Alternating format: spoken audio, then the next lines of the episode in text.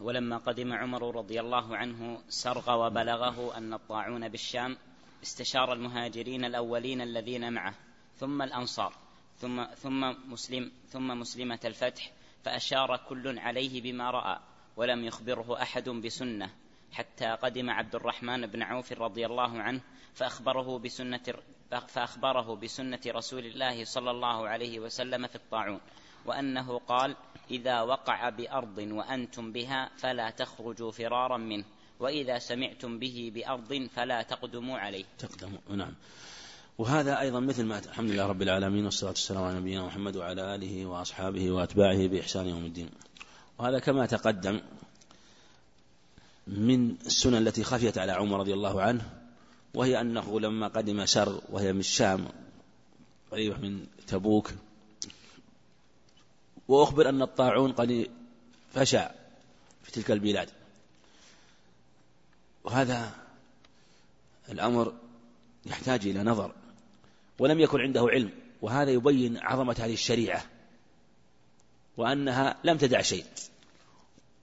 ولهذا هو رضي الله عنه قد علم أنه جاء في الشريعة ما يبين هذه هذه المسائل ويبين أحكامها وأنها لم تدع شيئا وأن هذه نازلة وأمر لا بد أن يكون في الشريعة ما يبينه ويوضحه. لا بد. لكنه لم يكن عنده علم فاستدعى المهاجرين الأولين ثم سألهم. شوف انظر هالمسألة العظيمة. سأل المهاجرين ثم الأنصار ثم مسلمة الفتح. ولم يكن عند أحد منهم علم. وهذا عبرة في الحقيقة. عبرة لكل طالب حق وطالب علم وعالم ومتكلم. سألهم وهم مجتمعون وكانوا في عهد عمر رضي الله عنه مجتمعين وقد يكون آه، لم يكن معه جميع المهاجرين في ذاك الزمن لكن آه، لا شك أنه معه ثلة وجمع عظيم منهم وكلهم أشار بما رأى. وهذا هو الواجب حينما تخفى السنة يكون الاجتهاد فيما يظهر له. فلم يخ ولم يخبر ولم يخبر أحد بسنة. كان عبد الرحمن بن عوف موجود لكنه قد ذهب لبعض حاجته. لم يكن حاضر. فلما جاء أخبره بسنة النبي عليه الصلاة والسلام أنه قال إذا وقع بأرض وأنتم بها فلا تخرجوا منها فرارا منها. وإذا سمعتم به بأرض فلا تقدموا عليها. شوف قوله فرارا وش يستفاد منه. أنه لا يجوز الخروج ماذا مع نية الفرار. لكن لو إنسان خرج من بلد الطاعون لحاجة من الحاجات ليس بنية الفرار. وش حكمه؟ جائز. ولهذا قوله فرارا هذه فائدة. لكن كيف يعلم هذا؟ بالنية. وهذا أيضا يبين لك أيضا أن هذه الشريعة تأتي بالأصول والقواعد. وهذا يرجع إلى حديث إنما الأعمال بالنيات وأن النية تجري في أمور كثيرة. ولهذا في هذه المسألة بحسب يخرج اثنان واحد يخرج فرار وواحد يخرج لحاجة. بين خروج أحدهما عاصم بخروجه والآخر مطيع لله بخروجه. بل قد يكون خروجه مشروع. والفارق هو النية. عمر رضي الله عنه عبد الرحمن بن عوف أخبره بذلك فسلم فقال الحمد لله. لأنه رضي الله عنه لما خالفه بعض الصحابة كأبي عبيدة قال يا أمير المؤمنين أفرارا من قدر الله؟ أي أتفر فرارا من قدر الله؟ قال لو غيرك قالها يا أبا عبيدة. نفر ماذا؟ من قدر الله إلى قدر الله. لو كان لك واد به عدوتان يعني جانبان أحدهما مخصبة والآخر والأخرى مجدبة أليس إذا رعيتها المخصبة دون دون موجه بقدر الله؟ إن شرع في هذه وإن شرع في هذه. ومع ذلك أنت تختار أن أن ترعى المخصبة لا الموجبة وأنت ترعاها بقدر الله. هكذا هذا الأمر كان رضي الله رأيه ألا يدخل عليه يدخل على الطاعون. ووافق على ذلك مسلمة الفتح. وخالف آخرون فاجتهد لكنه ينطق الحق على لسانه وقلبه رضي الله عنه. فلما جاء أخبره عبد الرحمن عوف بنفس بالحديث الذي يوافق اجتهاده فحمد الله على الموافقة. وهذه السنة أيضا رواها أسامة بن زيد آه، بهذا اللفظ قريبا كما في الصحيحين. نعم. وتذاكره هو وابن عباس رضي الله عنهم أمر الذي يشك في صلاته. فلم يكن قد بلغته السنة في ذلك. حتى قال عبد الرحمن حتى قال عبد الرحمن بن عوف عن النبي صلى الله عليه وسلم إنه يطرح الشك ويبني على ما استيقن. وكان نعم أيضا هذه مسألة من مسائل الصلاة تعرض للمكلف في صلاته ربما يعرض له كثيرا. ومع ذلك خفيت عمر وكل هذا من المصنف رحمه الله. إشارة إلى أن العالم الكبير مهما بلغ علمه ومن بلغت إحاطته بكثير من العلوم والحفظ والفهم والإدراك إلا أنه لا أحد يدعي أنه حفظ السنة أو حفظ العلم ولا يجوز يدعي أحد من ذلك. وهذه الآثار تقطع أصول المقلدين. الذين يقولون لو كان هذا عن النبي صلى الله عليه وسلم ثابتا لعلمه شيخنا لعلمه إمامنا. نقول لله العجب. إذا كان الصحابة رضي الله عنهم أبو بكر وعمر وعثمان الذين صحبوا النبي صحبوا نفسه وأنفاسه عليه الصلاة والسلام. ومع ذلك تخفى عليهم هذه السنن في أبواب الشريعة في كثير من أبواب الشريعة. فكيف بغيرهم؟ وعلى هذا أو لهذا قال ابن عبد البر رحمه الله أجمع أهل العلم أن المقلد ليس من أهل العلم أن المقلد الذي يقلد دينه الرجال ويتعصب ليس من أهل العلم لأنه لم يجعل السنة هي المعيار التي يوافق عليه وخالف بل جعل قول الرجال هو المعيار وهذا لا يجوز الواجب أن تجعل السنة هي المعيار على قبول الحق فما وافقه قبل وما لم يوافقه لم يقبل ولهذا في هذه القضية ابن عباس كما روى الإمام أحمد رحمه الله قال قال له عمر في مسألة الذي يشك في صلاة قال يعني إنه يعرض لنا أو كما أو كما قال رضي الله عنه فهل عندك من هذا شيء؟ قال لا يا رسول الله لا, لا يا أمير المؤمنين ليس عندي من هذا علم قال يا غلام كذلك جاء عبد الرحمن جاء عبد الرحمن بن عوف أيضا وهذه سنة ثالثة في من عبد الرحمن عوف رضي الله عنه. بن على سعة عبد العلم عبد الرحمن. لكن هذا يبين أيضا كما تقدم أنه حينما يطلع إنسان على مسألة خفيت على غيره ولو كان إنسان عالم كبير وينبه أحد من أهل العلم لا يدل على أنه أعلم منه أو أحفظ منه أو ما أشبه ذلك لا. لكن يدل على أنه أن الواجب هو البحث عن الحق ولو كان من صغير. وأن الحق حق أن يتبع والحق والحكمة ضالة المؤمن. عمر رضي الله عنه كان يسأل من ابن عباس؟ وكان في ذاك الوقت لا زال غلام ويقول له يا غلام لما مات النبي عليه الصلاة والسلام له ثلاثة عشر عاما. نهز الاحتلام أو قريب منه رضي الله عنه. خلافة أول خلافة أبي بكر لتوه يعني خمسة عشر عام. فكان صغيرا ومع ذلك كان يحضر مجالس عمر ويسأله ويقول ماذا عندك؟ وهذا فيه فيه تواضع عمر رضي الله عنه وتواضع الحق. وهكذا هو الواجب على أهل العلم. التواضع الحق والبحث حق. لا يمنعك من قول الحق أن يقوله صغير. لا. فالعلم ليس بالصغير ليس بصغر السن لا. الحق خذه من أي أحد كان. وأبو بكر رضي الله عنه كان يسأل عموم الناس. سيأتينا أن عمر رضي الله عنه قالت له امرأة أمام الناس وآتيتم إحداهن قنطارا. أمام الناس. فجاء في رواية أنه قال أصاب أصابت امرأة وأخطأ رجل رجل أو كما قال رضي الله عنه. وبين له عبد الرحمن بن عوف أنه يطرح الشك ويبني على ما استيقن. أنه إذا شك يطرح الشك ويبني على ما استيقن. وهذا ثبت في حديث أبي سعيد الخدري أيضا في صحيح مسلم. حديث عبد الرحمن بن عوف هذا جاء بغير القصة جاء عند أهل السنن أيضا.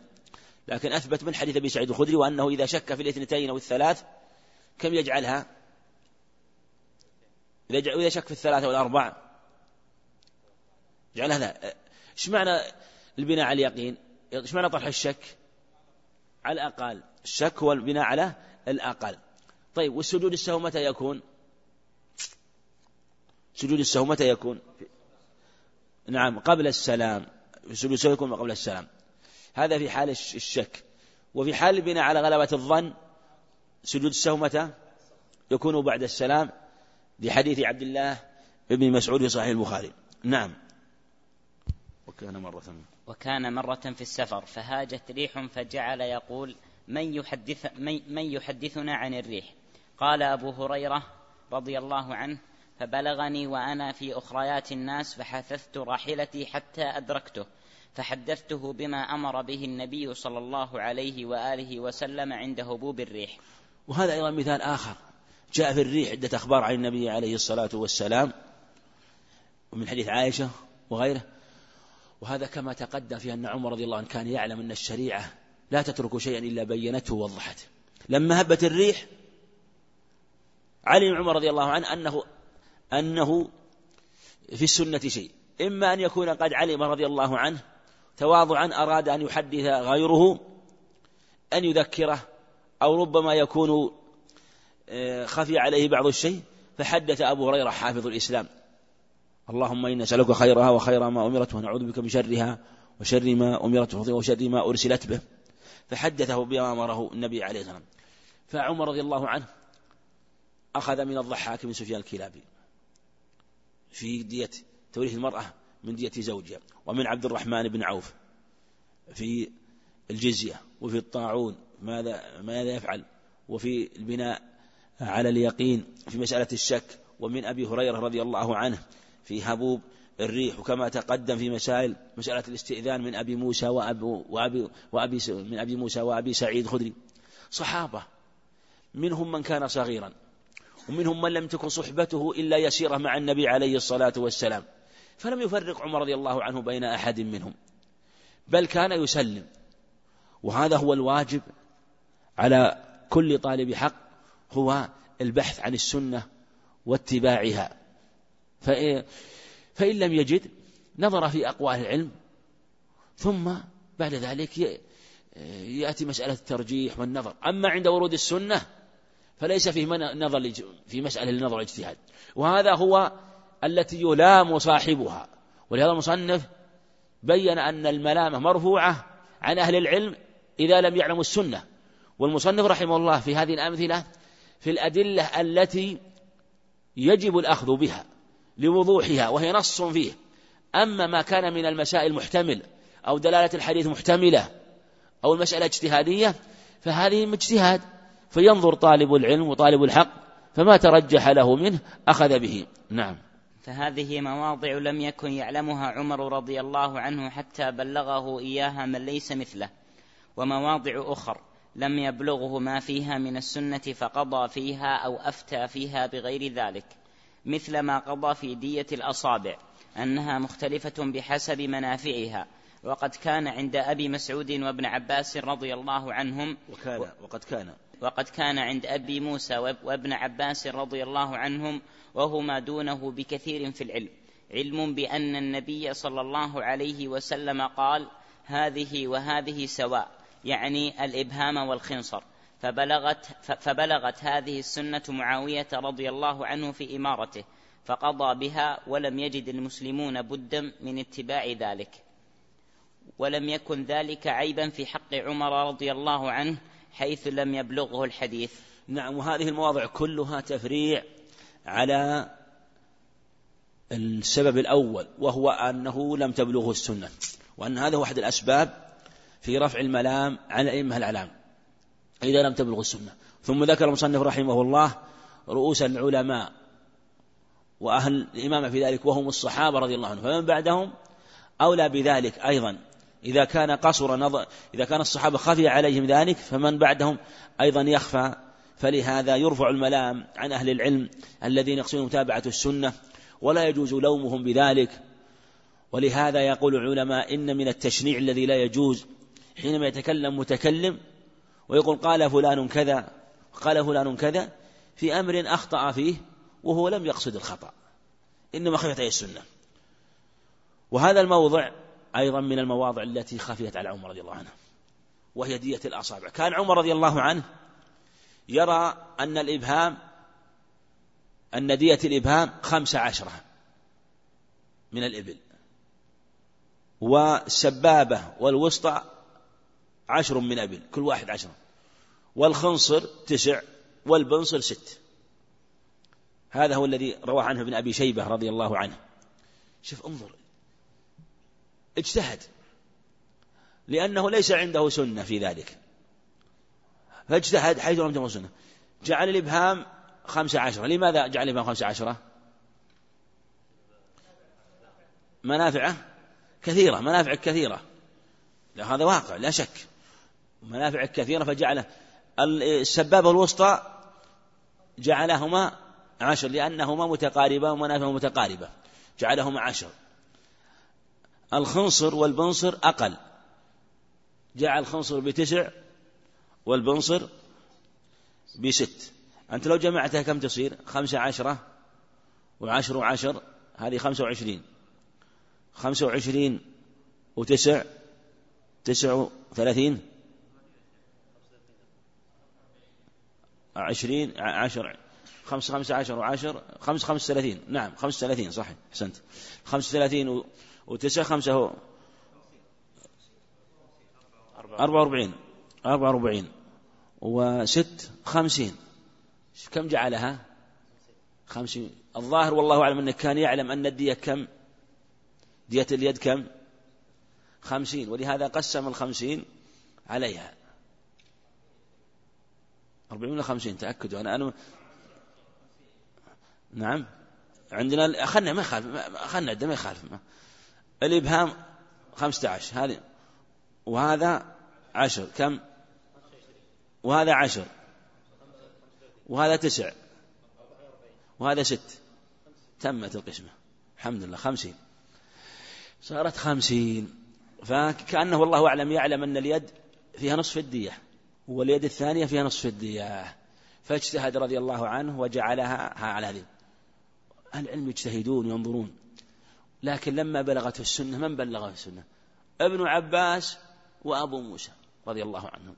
ابن عباس في حديث في البخاري لكنه في البخاري مختصر قال هذه وهذه سواء.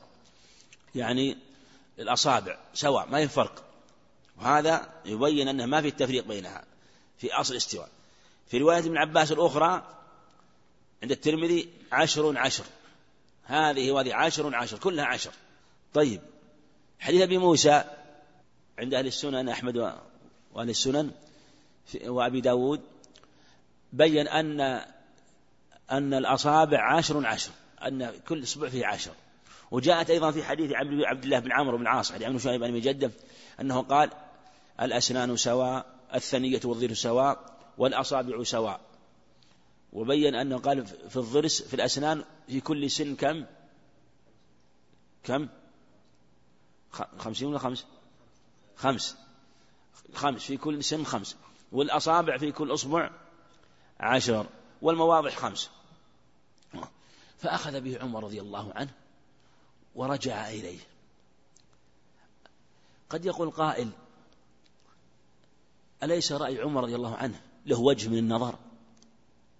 السنة طيب لا تأتي إلا مع القياس لا تأتي إلا مع القياس الصحيح والنظر الصحيح. وجاءت في الأصابع سواء. وفي الأسنان سواء. جعلت السن القوي اللي يطحن مثل السن الضعيف. ما فرقت. الأسنان في كل سن كم؟ خمس من الإبل. سمى الأسنان أسنان كم هي. 32 طيب كم دية الأسنان كلها. ثلاثين في خمسة كم مئة وخمسين واثنين في خمسة عشر مئة وستين. يعني دية الأسنان مئة وستين يعني دية وستة أعشار الدية. دية وستة أعشار الدية كامل يعني. الأصابع خمس خمس فيها عشر كل واحد فيها مئة. لو قال قائل كيف تجعلت آه، عمر رضي الله حينما قال هذا؟ أليس يقتضيه النظر التفريق بين هذه وهذه؟ نقول هذا هو لا شك أنها مختلفة. ولهذا فرق بينها عمر رضي الله عنه. لكن لما جاءته السنة سلم. نقول في هذا كما قال جو من العلم إن قاعدة الشريعة في الأشياء التي لا تنضبط. شوف الأشياء التي لا تنضبط. وتضطرب. وتختلف أحوالها. تجعل لها قدرا محدودا. تجعل لها قدرا محدودا تضبطه به. تضبطه به. ويكون هو الفاصل. مثل الأصابع والأسنان والمواضح. شوف جعل في المواضح الموضح شنو واضح الموضح هي تكون في الرأس وفي الوجه. إيش معنى الموضح؟ يعني الجرح الذي يجرح الجلدة ويوضح العظم.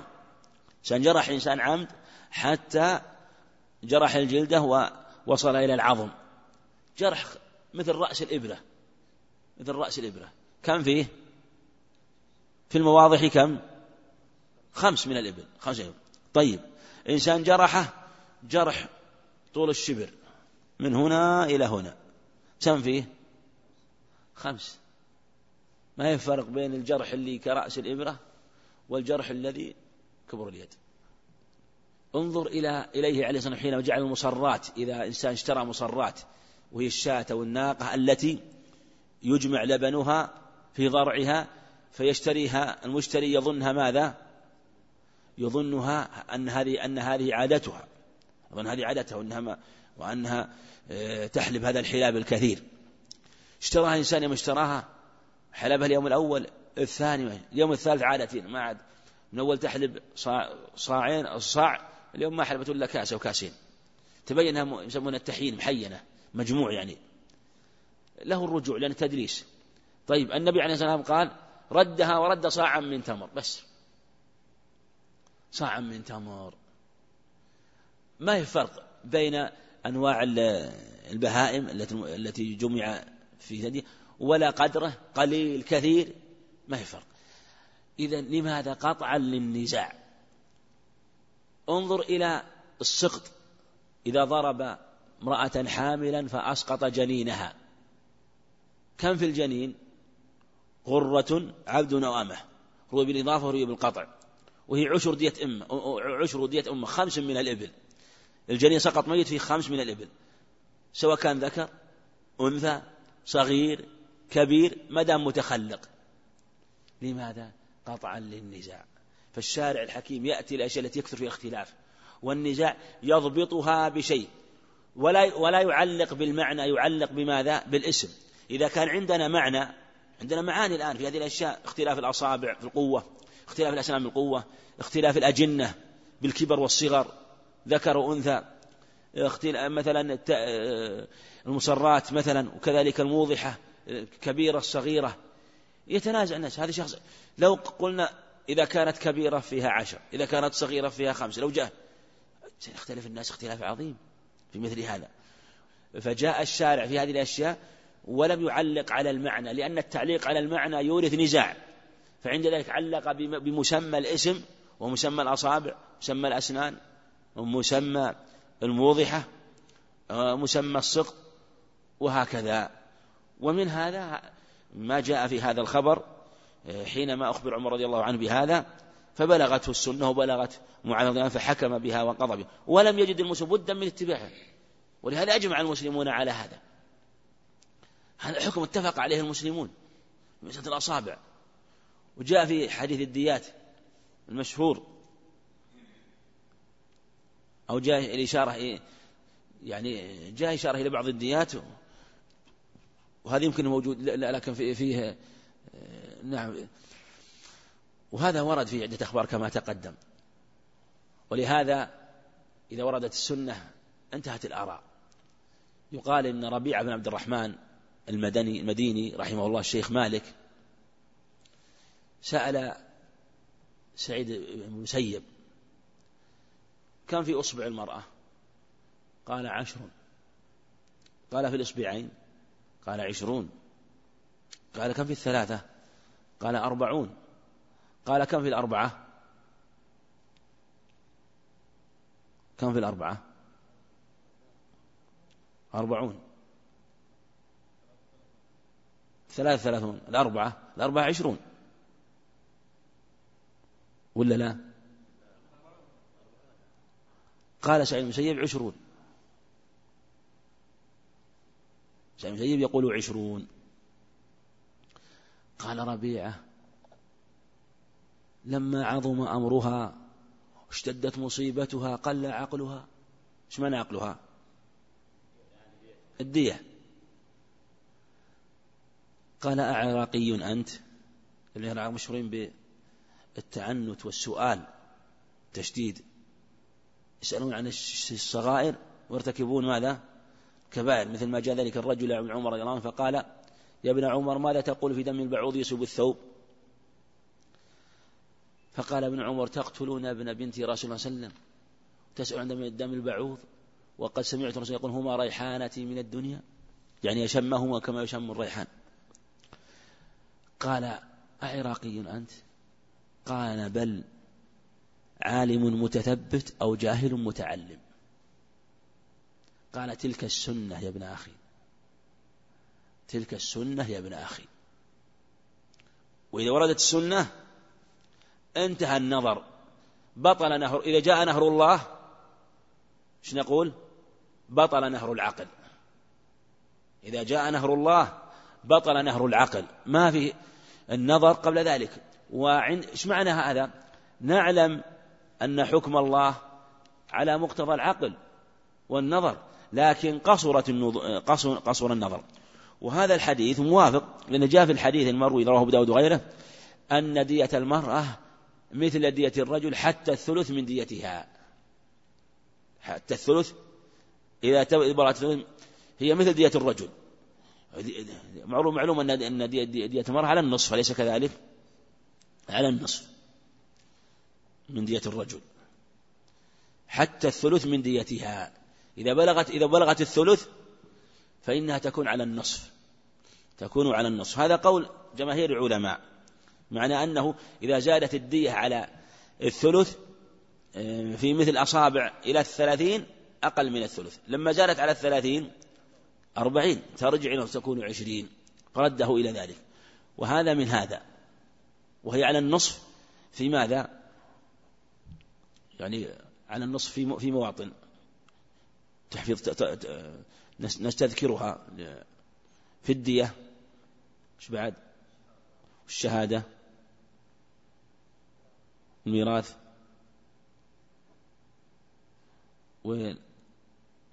والعقيقة ها؟ والعقيقة. بقي خامس هي خمسة كذلك في العتق. أيما رجل في مسألة العتق يعني أن عتق الرجل عن عتق امرأتين. وهذا ورد فيه الخبر. هذه هذه المواطن اللي ذكرها ابن القيم رحمه الله وهي وردت بها السنة كلها. ينظر هل فيه ظن هذه هي المواطن المحفوظة. نعم. وكذلك كان رضي الله عنه ينهى المحرم عن التطيب قبل الإحرام وقبل الإفاضة إلى مكة إلى مكة بعد رمي جمرة العقبة هو وابنه عبد الله بن عمر رضي الله عنهما وغيرهما من أهل الفضل. ولم يبلغهم حديث عائشة رضي الله عنها طيبت رسول الله صلى الله عليه وسلم لإحرامه قبل أن يحرم. ولحله قبل أن يطوف بالبيت. نعم. والمصنف رحمه الله هو الآن غالب ما يذكر في بداية يذكر أمثلة.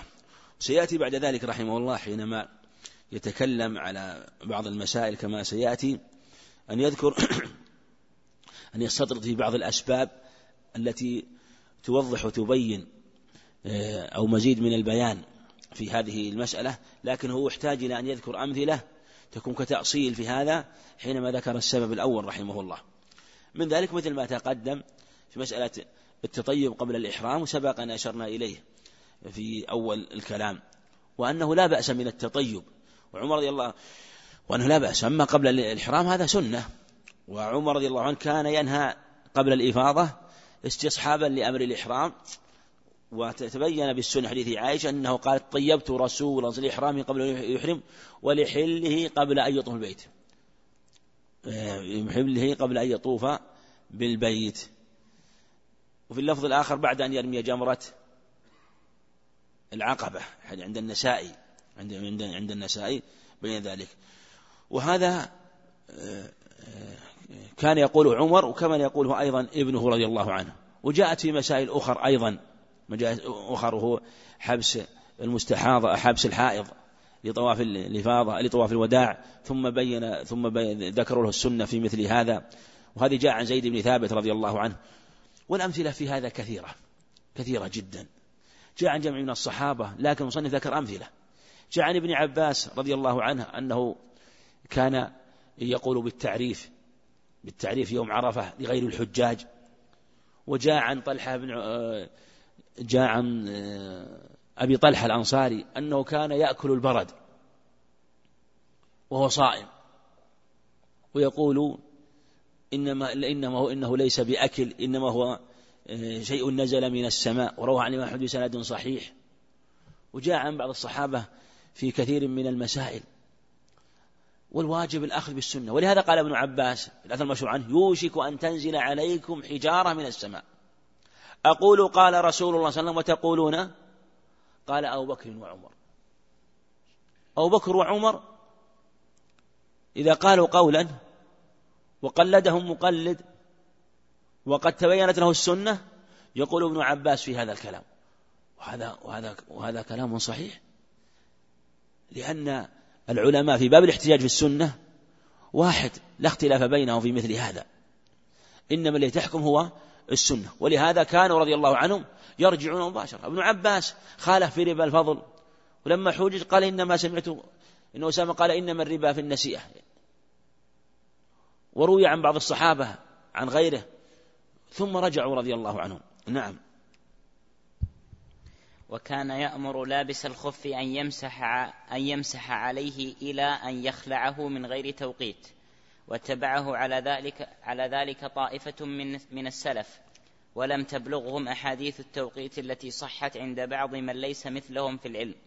وقد روي ذلك عن النبي صلى الله عليه وسلم من وجوه متعددة صحيحة. هذا مثل التوقيت في مسح.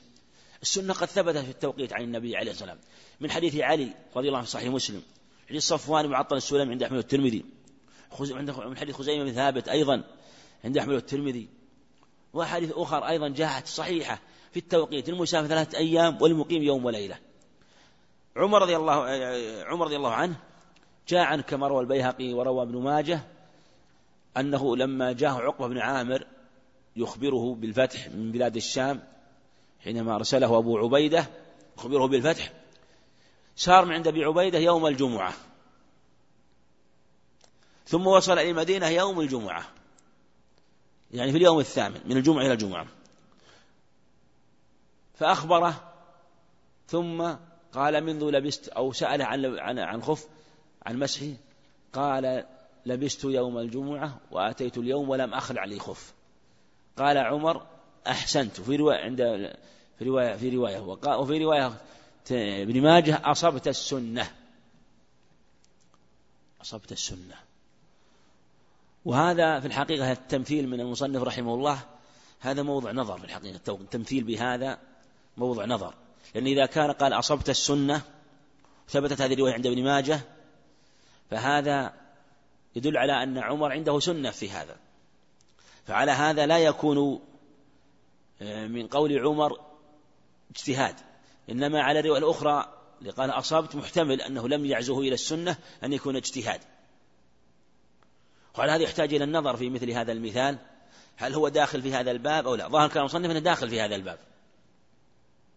لكنه رحمه الله ذكر في باب في في في موضع في الفتاوى في كتاب الطهارة وقال إنه نفسه رحمه الله. لعل كتاب هذا محتمل أنه صنفه وكتبه قبل كلام ذاك أو أنه نسيه حينما ذكر هذا الحديث نسي كلامه ذاك محتمل لأنه قال رحمه الله إنه يجوز للمسافر إذا احتاج إلى أن يمسح وتضرر بالخلع خلع الخف يجوز له أن يمسح خمسة أيام ستة أيام عشرة أيام يجوز حتى تنقضي حاجته إذا تضرر. قال وفعلته أنا بالبريد. قال وكنا بالبريد ومعنا الرفقة فخشيت إذا نزلنا للمسح أن يتضرر الرفقة ثم تذكرت قول عمر رضي الله عنه لعقبة فظهر لي أنه أو حملته حملته على مثل هذا حينما يتضرر من يلبس الجورب إذا خلعه حصل منه تضرر لو خلعه وعلى هذا ينزل الخف منزلة ماذا؟ منزلة ماذا؟ ما منزلة الجبيرة. أحد قال جبيرة؟ منزلة الجبيرة. منزلة الجبيرة تخلع ولا تترك حتى تسقط؟ الجبيرة. الجبيرة تترك حتى ماذا؟ حتى ينت... يعني الإنسان عليه الجبيرة أنا قصد الجبيرة اللي هو اللصوق أو نفس اللف هذا. الإنسان عليه جبيرة في كسر يمسح عليها ولا لا؟ ما ما لها توقيت. حتى يبرأ. ما لها توقيت.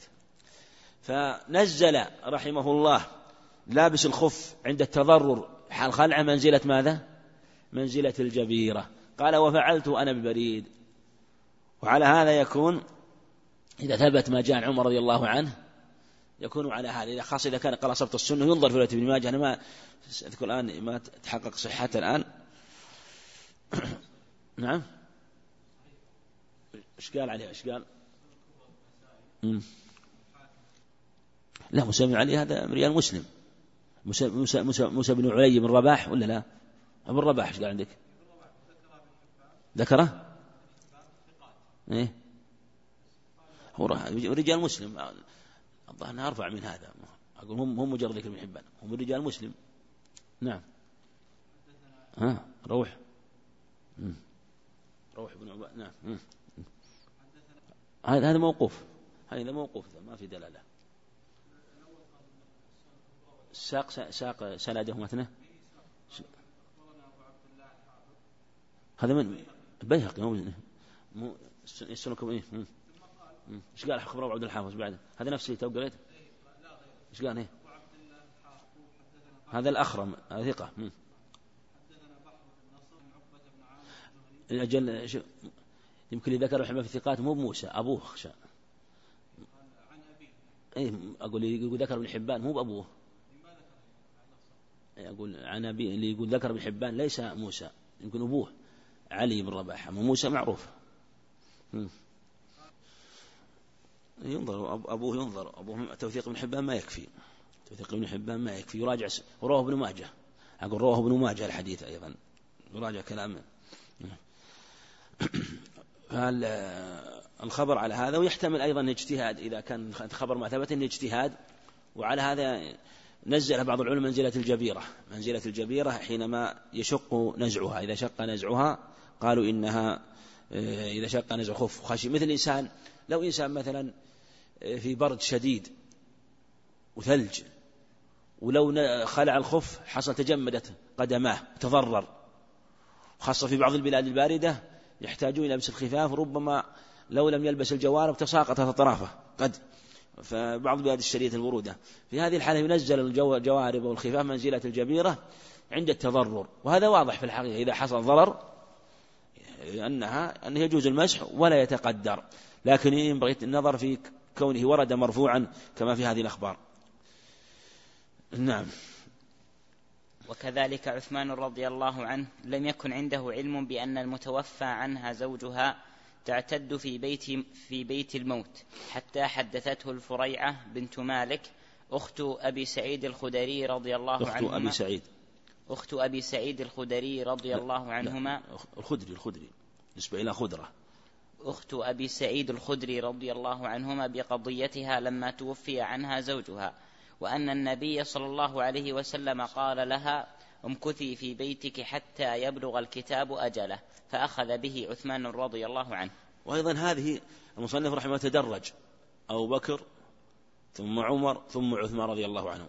سيأتي بعد ذلك علي. وهذا كله رحمه منه بيان إذا كان الخلفاء الراشدون وهم الأئمة الأعلام حفاظ الإسلام المنازمون للنبي عليه الصلاة والسلام خافيت عليهم مثل هذه السنن فخافوا على غيرهم باب أولى. ثم أيضا كانوا أسرع شيء إلى الأخذ بها والعمل بها. كان الواجب الاقتداء بهم رضي الله عنهم. عمر رضي الله عنه لم يكن عنده عثمان لم يكن عنده علم بأن المتوفى زوجة تعتد في بيت بيت الموت قصد البيت الذي بلغه فيها موت زوجها. هذا المراد بيت الموت. حدثت الفريعة بنت مالك أخت أبي سعيد الخدري رضي الله رضي الله عنه زوجها كان خرج من بيتها يطلب أعبد له قد فروا هربوا. فلما وجدهم بمكان أو بطرف القدوم مكان قتلوه. فبلغ النبي صلى الله عليه وسلم خبرها ف جاءت تسأل وقالت في بيت وحش وليس عندها أحد فلما فأذن لها. فلما ولت دعاها. قال كيف قلت؟ فأعادت عليه القصة. فقال امكثي في بيتك حتى يبلغ الكتاب أجله. يعني مدة أربعة أشهر وعشرة والذي توفوا منكم يذرون أزواج يتربصن بأنفسهن أربعة أشهر وعشرة. يعني أربعة أشهر وعشرة آه اللي هو مدة المكث منذ الموت. منذ الموت. يعني ولو لم تعلم إلا بعد ذلك. فلو علمت مثلا بعد شهر أو شهرين تكون المدة مبتدأة منذ الموت لا من العلم. هذا قول عامة أهل العلم. فأخذ به عثمان رضي الله عنه وحكم به وألزم به لأنه كان هو الخليفة رضي الله عنه. وهذا مثال مثل غيره من الأمثلة. والمصنف رحمه الله أراد أن يمثل وإلا فالأمثلة كثيرة كما سيأتي. نعم. وأهدي له مرة صيد كان قد صي كان قد صيد لأجله. فهم بأكله حتى أخبره علي رضي الله عنه أن النبي صلى الله عليه وسلم رد لحما أهدي له. كذلك أيضا هذه القصة رواها أحمد وأبو داود وحديث وقصة صحيحة أنه لما أهدي صيد لعثمان رضي الله عنه هم بأكله لأنه صيد له لأنه الوالي والذي صاد صاد لعثمان وكان محرم. فهم بأكله وكان علي رضي الله عنه قد ذهب إلى مكان يجمع الخبط ويجمع شيء من العشب. والأوراق لبعيره. فبلغ علي رضي الله عنه فجاء فأخبرهم بالخبر وقال عزمت على من كان من هنا من بني أسلم قوم كأن علم أنهم قد قد علموا الحكم في مسألة أكل المحرم للصيد الذي صيد من أجله. فشهدوا بما قال به علي رضي الله عنه أن النبي عليه الصلاة والسلام رد لحما أهدي إليه. وثبت مع هذا المعنى في الصحيحين حديث الصعب بن جثامة أنه قال النبي عليه الصلاة والسلام له لما أهدى له عجوز حمار يعني حمار وحش إنا لم نرد رده عليه قال إنا لم نرد عليك إلا أن حرم. أن حرم. هذا يبين أن صيد المحرم وجاء في حديث أبي قتادة أنه أكل عليه الصلاة والسلام فجمع العلماء بين الخبرين أن الصيد إذا صيد من أجل محرم فإنه حرام عليه. وإن صيد آه، ليس له ليس له مثل إنسان صاده لرفقته وكان فيهم المحرم وغير المحرم لا ما قصد المحرم لكن صاده للعموم لا بأس أن يأكل لكن إذا خصه به كان هو المحذور. فبين علي رضي الله عنه أنها أنه آه، وإن وإن كان لا يجوز لعثمان أن يأكله فلغيره أن يأكله.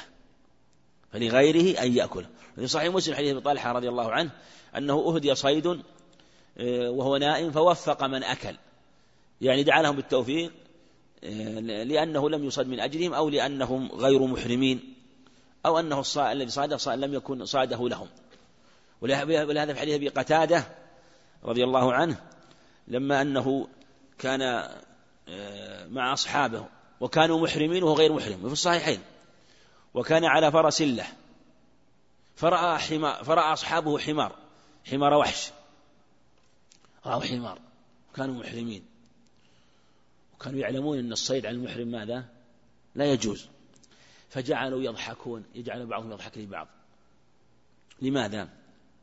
جعلوا يضحكون حتى ينتبه من؟ أبو قتادة. ينتبه للحمار. ليش ما قالوا له انظر إلى الحمار؟ نعم. لأن أقول لماذا ما نبهوه بالقول؟ لأن المحرم لا يجوز له أن ينبه. نعم. نعم أحسنت. لا يجوز أن يعين في الصيد. ما يجوز يقول شوف حمار الوحش انظر إلى حمار ولهذا قال هل منكم من أعانه؟ هل منكم من لو لو أشار ما تكلم أشار. نقول ما يجوز. هل منكم من أشار إليه؟ لكنهم تضاحكوا. ضحك بعضهم إلى بعض. لما تضاحكوا قال ما شأنكم؟ سكتوا. فالتفت فإذا حمار وحش. دل على أن التنبيه آه، بغير إشارة وبغير قول مثل ضحك ونحوه فلا بأس به. فقال ناولي صوتي؟ أو قال سهمي كان سقط منه. قالوا والله لا نعينك. ما نعينك عليه. فغضب رضي الله ونزل وأخذه ثم عقره ثم جاء به إليهم فأكلوا. يجوز لهم الأكل ولا ما يجوز؟ لأنه بيصيده سواء محرم ولا محرم هو سوف يصيدهم لا يبحثون عنه في أرض في برية. ولما بلغ أيضا ثم جاء في الخبر النبي عليه السلام أنه أكل أو قال هل بقي منكم منه شيء أو ما أشبه ذلك مثل ما جاء في قصة العنبر حينما آه، أكل منها عليه الصلاة والسلام. في هذا وفي حديث جابر صيد البر لكم حلال ما لم تصيدوه أو يصد لكم. فعلي رضي الله عنه بين لعثمان أن الصيد حلال للمحرم إذا لم يصد له. إذا لم يصد له. أما إذا صيد له فإنه يحرم. لكن الصيد الإنسان صاد صيد لمحرم. صاد صيد يبغى هدية لإنسان محرم. نقول للمحرم ما يجوز ولا لا؟ لكن هل الصيد حلال ولا هو بحلال؟ الصيد يحل ولا ما يحل؟ لا ذبح يعني. إذا نوى حينما قتله أن يهديه لمحرم. هو ما يجوز لكن الصيد حلال ولا هو بحلال؟ هو لا يجوز. ها؟ أي نعم. نقول ماذا؟ التحريم في نية وقصد يعني يعني الذي لا يجوز هو أن يصيده المحرم. أما نفس الصيد والتذكية فلا بأس بها سواء صاده أو أمسكه وذكاه فهو حلال فهو حلال. بخلاف قتل المحرم بخلاف المحرم لو قتل صيدا فإن هذا عند جمع العلم في حكم الميت لا يحل مع خلاف. نعم وكذلك. وكذلك علي رضي الله عنه قال كنت إذا سمعت من رسول الله صلى الله عليه وسلم حديثا نفعني الله بما شاء أن ينفعني منه. وإذا حدثني غيره استحلفته فإذا حلف لي صدقته. وحدثني أبو بكر وصدق أبو بكر وذكر حديث صلاة التوبة المشهور. هذا حديث صلاة التوبة. ما من عبد يذيب ذنبا ثم يقف يتوضأ ويصلي ركعتين إلا غفر الله له ذنبه. حديث رواه أحمد وغيره وحديث مشهور هذا الحديث. هذا الحديث هذا الحديث أيضا علي خفي على علي. والمصنف بعدما ذكر عثمان ذكر علي وأخذه عن أبي بكر رضي الله عنه وحديث صلاة التوبة مشهور واختلف العلماء في صحته ضعفه بعض من العلم كالبخاري قالوا إنه مو إنه آه، لا يثبت. والحديث من طريق أسماء بن الحكم الفزاري. وأسماء بن الحكم الفزاري هذا وين قال الحافظ إنه صدوق؟ لكنه يقينه لم يؤثر توثيقه عن معتبر. إلا عن مثل العجلي وابن حبان وهم يعني لا يعتمد توثيقهم. لكن حديث مشهور ومعروف عند أهل العلم في ما جاء فيه من سنة من سنة صلاة التوبة وهو الركعتان وهو من تمام التوبة. وهذا كما تقدم آه، خفي على علي ومسائل أخرى أيضا. وعلى هذا تتم القسم أو يتم الحصر في الصحابة الخلفاء الراشدين حينما ذكر المصنف رحمه الله هذه الأمثلة والمصنف ذكر مجرد التمثيل وإلا فالأمثلة كثيرة كما سيأتي في كلامه. نعم وأفتى هو. وأفتى هو, هو وابن عباس رضي الله عنهما وغيرهما بأن المتوفى عنها إذا كانت حاملا تعتد أبعد الأجلين ولم تكن قد بلغ ولم تكن قد بلغتهم سنة رسول الله صلى الله عليه ولم تكن قد بلغتهم سنة رسول رسول الله صلى الله عليه وسلم في سبيعة الأسلمية. ولم ولم ولم تكن؟ بلغتهم سنة رسول الله. نعم. ولم تكن قد بلغتهم سنة رسول الله صلى الله عليه وسلم في سبيعة الأسلمية الأسلمية رضي الله عنها. وقد توفي عنها زوجها سعد بن خولة حيث أفتاها النبي صلى الله عليه وسلم بأن عدتها وضع حملها. نعم. في بعض النسخ مو موجود عندنا. اللي هو في زيادة عندكم هذا ولا؟ وهذا أيضا وأفتى يعني علي رضي الله عنه وهو ابن عباس. علي رضي الله عنه وابن عباس يقولون إن المتوفى عنها زوجها إذا كانت حامل عدتها أبعد الأجلين. فإن وضعت قبل أربعة أشهر وعشر إيش يقولون؟ تمتد العدة إلى أربعة أشهر وعشرة. فإن امتد حملها مثل تكون لما مات زوجها لا زالت في الشهر الأول. تمتد العدة حتى تضع. فجعلوها أعد جليل احتياطا.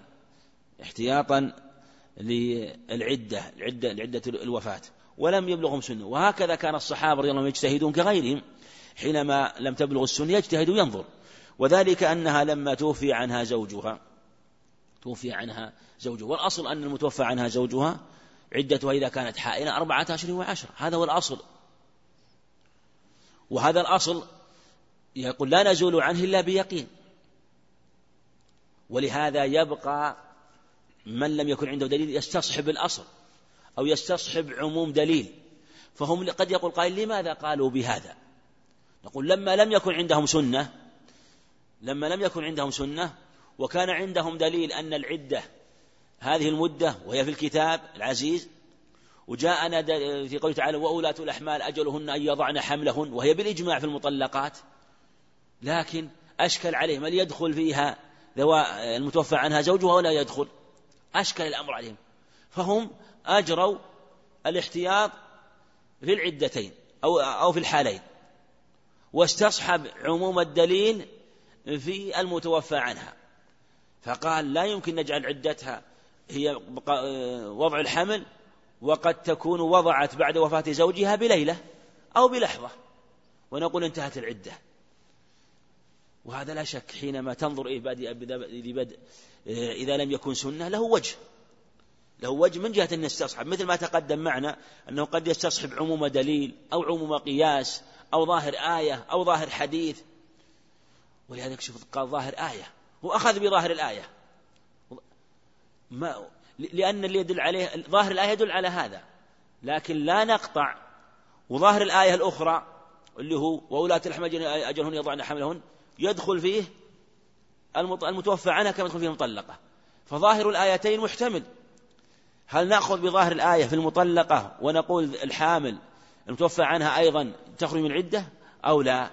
فلما اشتبه الأمر أخذ بالأحوط في المتوفى عنها وأن عدتها أربعة أشهر وعشرة لكن حينما جاءت السنة بيّنت. وهذا يبين أن السنة توضح بعض الإجمال في الكتاب العزيز تخصيص عمومه تقييد المطلق.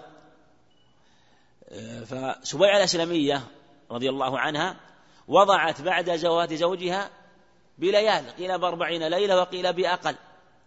فجاءت إلى النبي عليه الصلاة والسلام وأمرها أن تتزوج. قال الزهري رحمه لا بأس أن تنكح ولو كانت في دمها. يعني عقد النكاح لا بأس. لا بأس به. ولهذا لما بلغت السنة هؤلاء الصحابة رضي الله عنهم أخذوا بها وتركوا رأيهم.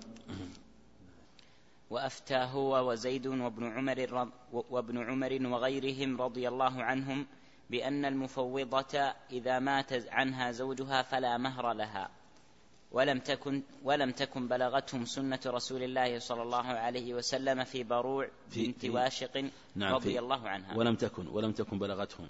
ولم تكن بلغتهم سنة رسول الله صلى الله عليه وسلم في بروع بنت بروع بروع. في بروع بنت واشق رضي الله عنها. نعم.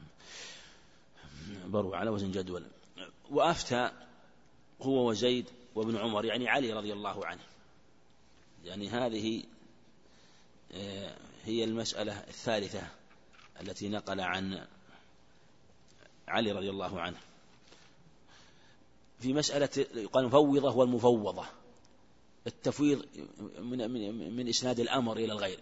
والمفوضة هي التي نكحت بلا مهر يعني بلا تسوية تزوج امرأة ونكحها ولم يسمي لها مهرا. فلا بأس ويصح بالإجماع عند أهل العلم يجوز ويجوز الدخول ولو دخل ولم يسمي لها مهرا.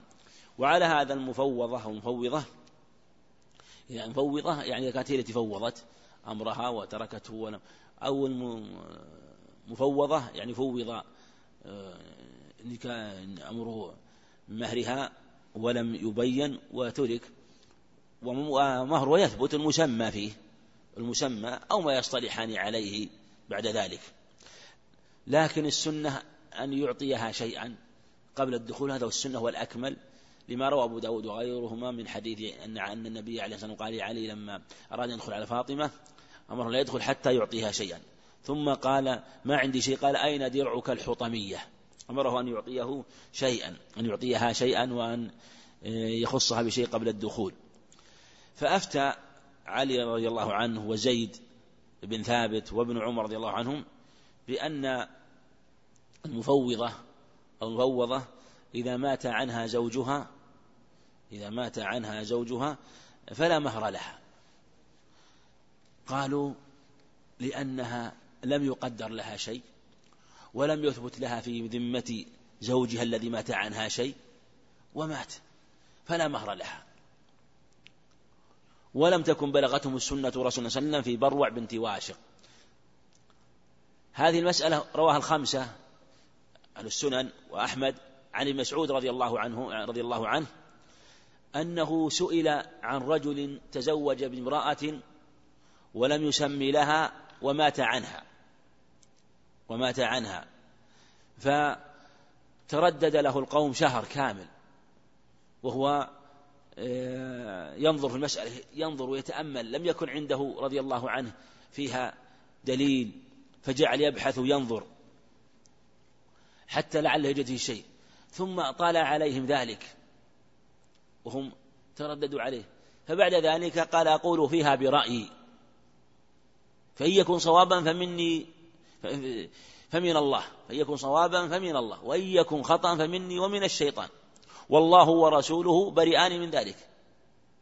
أقول عليها العدة ولها الميراث ولها مهر نسائها لا وكس ولا شطط.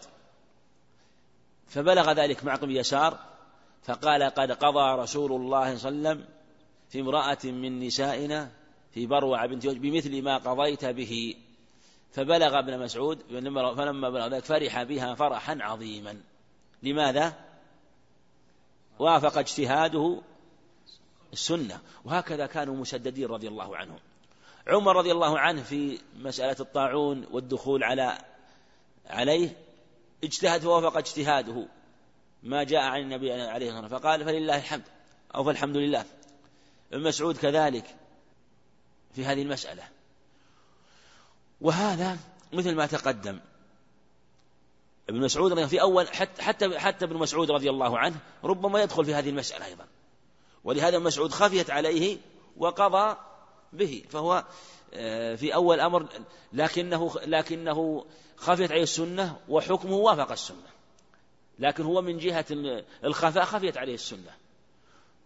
أما فتوى فهي مخالفة لفتوى هؤلاء لأنه لم يفتي بمثل ما أفتوا وأنه لا مهر لا لا.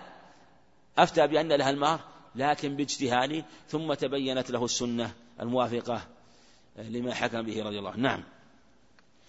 وهذا باب واسع يبلغ المنقول منه عن أصحاب رسول الله صلى الله عليه وسلم عددا كثيرا جدا. وأما المنقول منه عن غيرهم فلا يمكن فلا يمكن الإحاطة به فإنه ألوف.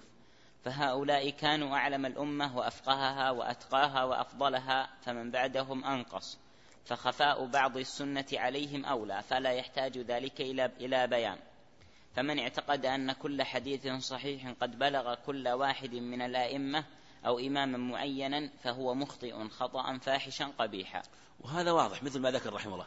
وهذا باب واسع جدا. عن المنقول عن الصحابة رضي الله عنهم عدد كثير. فكيف عن غيرهم كما قال مصنف فإنه ألوف.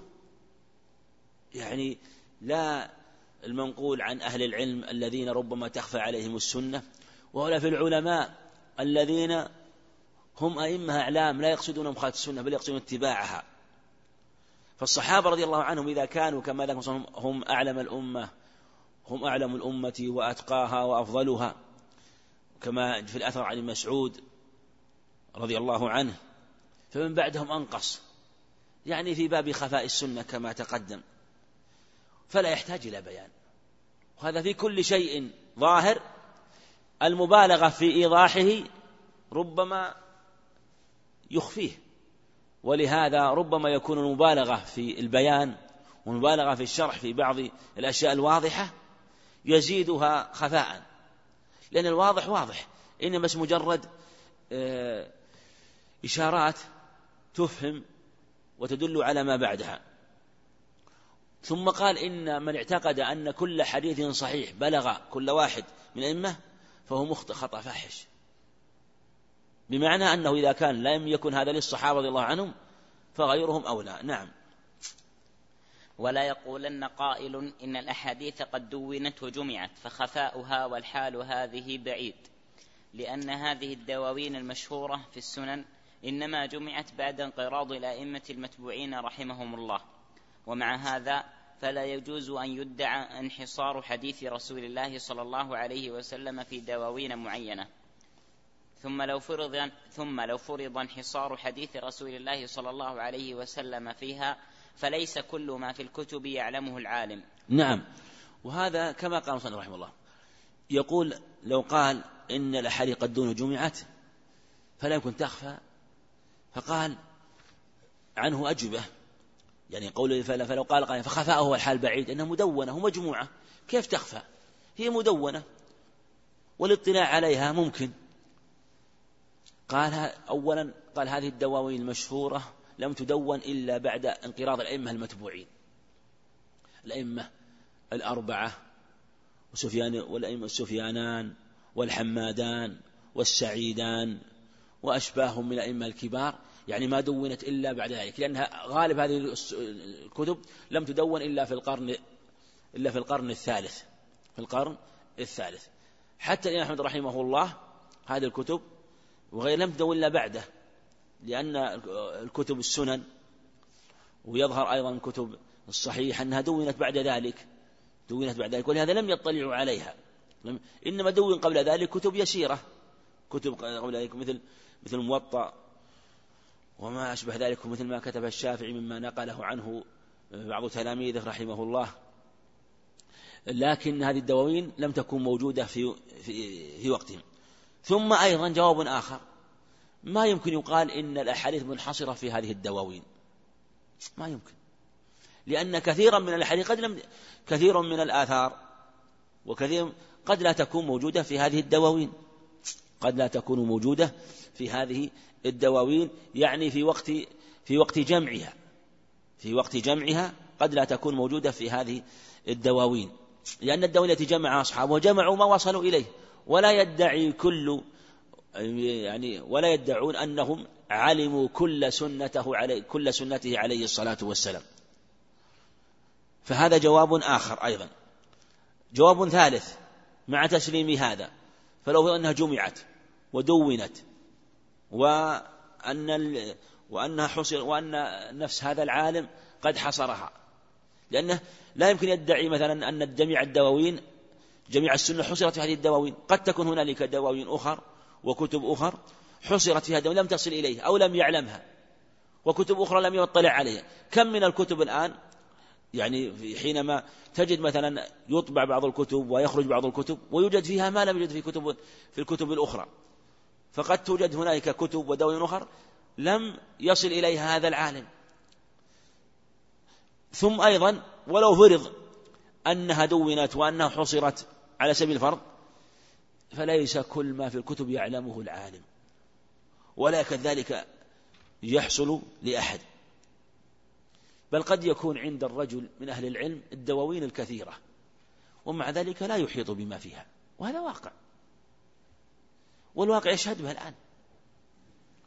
ولهذا انظر مع كثرة الكتابة وكثرة الكتب وحصر الدواوين وكثرة الفهرسة وشبكات المعلومات الهائلة ومع ذلك خفاء العلم وقلة العلم كثرة الجهل وما أشبه ذلك. وهذا واقع.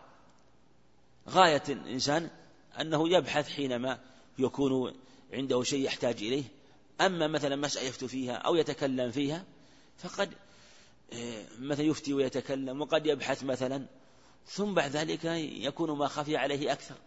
وقد يكون أيضا ما بحثه واجتهد فيه هو الذي ظهره وتكون المسألة مثلا في مكان آخر أو في كتاب آخر لم يعلم مكانه ولم يبحث ولم يعلم أن هذه هي مظان هذا هذا البحث أو هذه المسألة أو هذا الحديث. هذا واقع. ولهذا كثير الآن ممن يبحث في عبر هذه الشبكات تجد يبحثون في مسائل كثيرة ثم يقولون لم نجد هذه المسألة وبحثناها فيه. وقد يبحثها غيرهم ويجدونها مع أنهم استعرضوا من كتب السنة الشيء الكثير يعني حال البحث لأنها جمعت لهم وفهرست. نعم. ولا يكاد ذلك يحصل لأحد بل قد يكون عند الرجل الدواوين الكثيرة وهو لا يحيط بما فيها. بل الذين كان بل الذين كانوا قبل جمع هذه الدواوين كانوا أعلم بالسنة من المتأخرين بكثير لأن كثيرا مما بلغهم وصح عندهم قد لا يبلغنا إلا عن مجهول أو بإسناد منقطع أو لا يبلغنا بالكلية. فكانت دواوينهم صدورهم التي تحوي أضعاف ما في الدواوين وهذا أمر لا يشك فيه من علم القضية. من؟ وهذا أمر لا يشك فيه من من علم القضية. نعم. وهذا أيضا جواب آخر. يقول إن المتقدمين رحمة الله عليهم الأحاديث تصل إلينا أحيانا بإسناد منقطع أو بإسناد مجهول. نحكم بأنه منقطع ونحكم بأنه مجهول. هل حكمنا بانقطاعه حكم بضعف الحديث نفس الأمر أو حكم على الإسناد؟ حكم على الإسناد. حكم الإسناد. الحديث قد يكون ثابت لكن ليس لنا إلى الظاهر. حينما نقول مثلا الحديث يأتينا فيه انقطاع مثلا محمد بن سيرين عن أبي هريرة الحسن عن أبي هريرة محمد المنكدر عن أبي هريرة وما أشبه ذلك مثلا من الأخبار التي أو يكون فيه مثلا مدلس من طريق قتادة من طريق بقية أو أو من طريق مخلط. نحكم بأنه ضعيف. قد يكون هذا المدلس في الحق ما دلس هذا الحديث. فيكون رواه عن شيخه وهو في نفس الأمر الحديث صحيح. ويكون العالم فالعالم الذي يطلع عليه يحكم به واستند إلى هذا الحديث وهذا الحديث حكمه به وأخذه به ثابت. لأنه حكم بحديث صحيح عنده. صحيح عنده. لكن نحن لا نجزم أن الحديث وصل إليه. لا نعلم ما في نفس الأمر. كذلك لو عندنا حديث منقطع مثلا وأخذ يعني حديث منقطع مثلا في في في طبقة في الطبقة الثالثة أو الرابعة مثلا من رواة وأخذ بأحدها العلم. حكمنا نحن بأنه ضعيف. الذي فوق الطبقة هذه قد يكون الحديث متصل قد يكون نفس هذا الحديث بانقطاعه أخذه هذا الراوي عن إنسان ثقة سمعه ممن فوقه متصل. قد يكون معضل والواسطتان أسقطهما ذلك الرجل وجاء به منقطعا والذين سمع منهم سمعوا من فوقه متصل مثلا. ثم من أخذ به أخذ بهذا الحديث. لكن نحن ليس لنا إلا الظاهر. فالمتقدمون يعني كفوا كثيرا من المؤونة. قصد أن كفوا كثيرا من المؤونة. معنى أنه قد يكون هذا الإسناد عندنا منقطع أو لا يبلغنا بكلية فلهذا هذه في الحقيقة من أسباب خفاء بعض العلم على بعض الناس دون بعض وإن كانت الدواوين موجودة ومدونة. نعم. ولا يقول ولا يقولن قائل من لم يعرف الأحاديث كلها لم يكن مجتهدا لأنه إن اشترط في المجتهد علمه بجميع ما قاله النبي صلى الله عليه وسلم وفعله فيما يتعلق بالأحكام فليس في الأمة على هذا مجتهد وإنما غاية العالم أن يعلم جمهور ذلك ومعظمه بحيث لا يخفى عليه إلا القليل من إلا القليل من التفصيل ثم إنه قد يخالف ذلك القليل من التفصيل الذي يبلغه. وهذا أيضا مسألة مهمة وهي لا يقول قائل إن من لم يعرف الحديث كلها لم يكن مجتهد هذا قول باطل. ولا أحد يقول ولهذا أبطل قبل ذلك وقال إنه ليس أحد من أهل العلم حفظ السنة أو حواها أو أحاط بها. لا يدعى هذا لأفاضل الصحابة فضل يدعى لمن بعدهم. ولهذا لو لو ادعي هذا وقيل هذا فليس في الأمة مجتهد لأن هذا لا يمكن يدعى لأحد. ولا دام أنه اشترط فلا بد من وجود الشرط. فدل على أن هذا الاشتراط لا يصح. وكل شيء اشتراطه يفضي إلى مثل هذا فإنه باطل ولا يصح. ولهذا كل أمر في الشريعة يورث الحرج فاعلم أنه ليس من الشريعة. يعني إذا لم يكن الحرج بسبب ذنوب المكلفين كل أمر يورث الحرج في الشريعة فليس من الشريعة.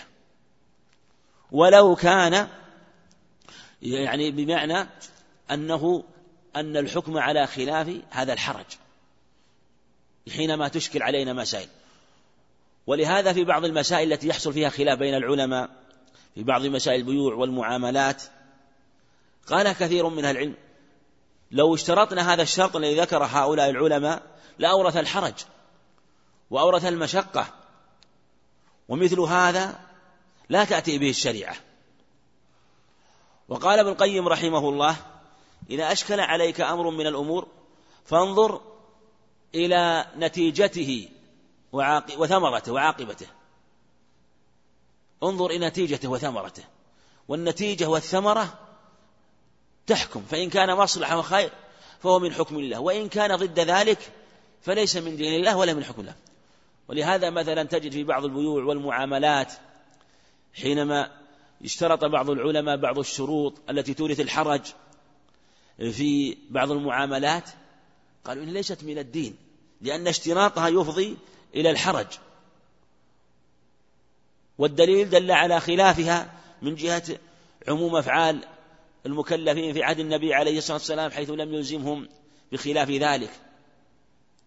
مثل مثلا ما ذكروا حين الإنسان يأتي يعامل مثلا صاحب المحل صاحب المحل خضار أو بقالة يشتري منها أشياء أو لحام أو أصحاب يشتري منه يعني يعني مواد سواء كانت لملبس أو مطعم وغيره وهو متعامل لا يقاطعه بالسعر لا يقاطعه بالسعر. يشتري ثم بعد في آخر الشهر يحاسب مثلا أو في آخر الأسبوع. هل هذا جهالة يحكم ببطلان البيع بها؟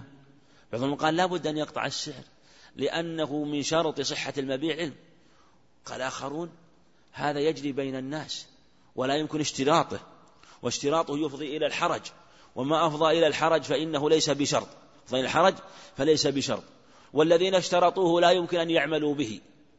والمصلحة تقتضي خلاف ذلك. وهكذا في مسائل كثيرة. وقالوا إن هذا ينزل يعمل به على السعر الغالب. والسعر الغالب هو الذي يفصل بين الناس. فيعامله لأن هذه أشياء لها أسعار معروفة يحكم بها. وهكذا في مثل هذه المسألة التي ذكر المصنف يعني نحن انتقلنا من مسألة أصولية إلى مسألة فقهية وهي مسألة اشتراط أن يشترط في المجتهد أن يكون حافظا للسنة. هذا يفضي إلى أمر متعذر وأن لا يكون في الأمة مجتهد. إنما غاية العالم والمجتهد والناظر في الأدلة أن يعلم جمهور يعني الأكثر من ذلك بحيث لا يغيب عنه ما يحتاج إليه. لكن يغيب عنه الشيء الذي يحتاج إلى شيء من النظر وهذا يكفيه بالبحث والنظر. ثم إنه قد يخالف ذلك القليل التفصيل الذي يبلغه. فإذا فإذا اطلع على شيء وحكم به أو أفتى به ثم خالف شيئا من السنة وهو القليل منها الذي خفي عليه لا يضره ذلك. وهو المقصود من كلامه رحمه الله لأنه أهل للاجتهاد والنظر وليس من شرط العالم أن يحفظ وليس من شرط العالم أن لا يخطئ بل لا يجوز بل, بل من ادعى ذلك فقوله باطل. بل من قال ذلك في الحقيقة ربما قد يق... من ادعى ذلك في إنسان ادعاء مطلقا فإنه كافر.